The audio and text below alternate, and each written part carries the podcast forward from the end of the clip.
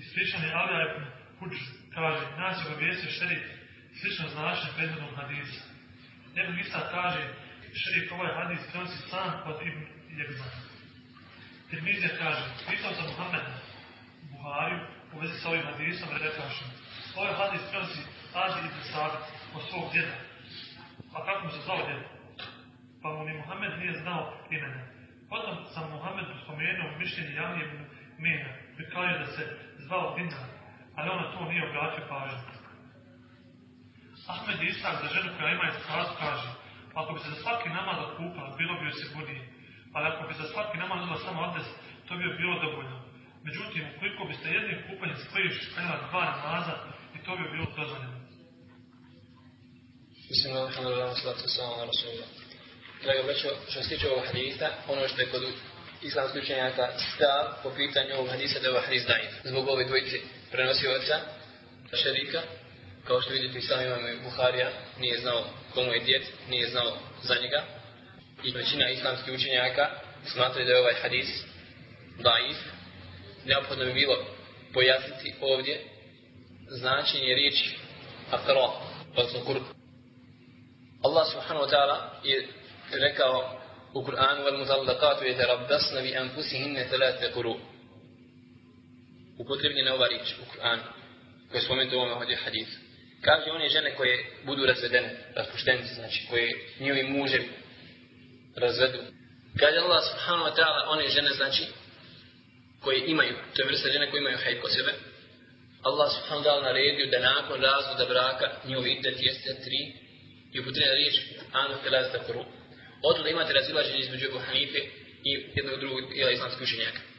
Šta znači to? Ebu Hanife, rahmetullahi alaihi, smatra tri hajda. Pazi, tri hajda.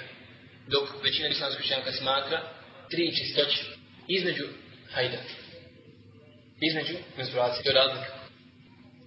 Razlika je tri hajda i tri čistoće, tri perioda između menstruacije. Razlog što tri čistoće će trajati duže. Može biti četiri mjesečna pranja. A kod Ebu Hanife je tri. Pranja, odnosno ispane šta? Dvije. Čistoće može dvije i po, zavisi tako. Otud da kažemo ovo, i kod većini islamskih učenjaka je prihvatljivije da to bude tri čistoće. A što se tiče e, mišljenja imam Ahmeda, rahmatullahi alaihi koji spomenuo imam i tirmidi ovdje, da će se žena da se okupa za svaki namaz prilikom istihaze. To je bilo mišljenje jednog dijela ashaba, radijallahu ta'ala anhum, ali je više to bilo iz predostrožnosti, poput Ummu Habibi radijallahu ta'ala anha, koju nije naredio Allahu poslanik sallallahu alaihi wa sallam da tako nešto radi, ali iz predostrožnosti ona je prilikom istihaze kupala se za svaki namaz. Međutim, ono što je Allah poslanik sallallahu alaihi wa sallam naredio, kao što smo vidjeli u onom prethodnom hadisu, od Fatime bint Abi Hubejš, zatim ono što je Allah poslanik sallam naredio, Hamni bint Đahš, ovim dvima sahabikama, jasno se vidi da je obaveza abdestiti se, a ne kupati, ali je on to rekao ispred ostrožnosti. U smislu da je mustahab, da je pohvalno to uraditi.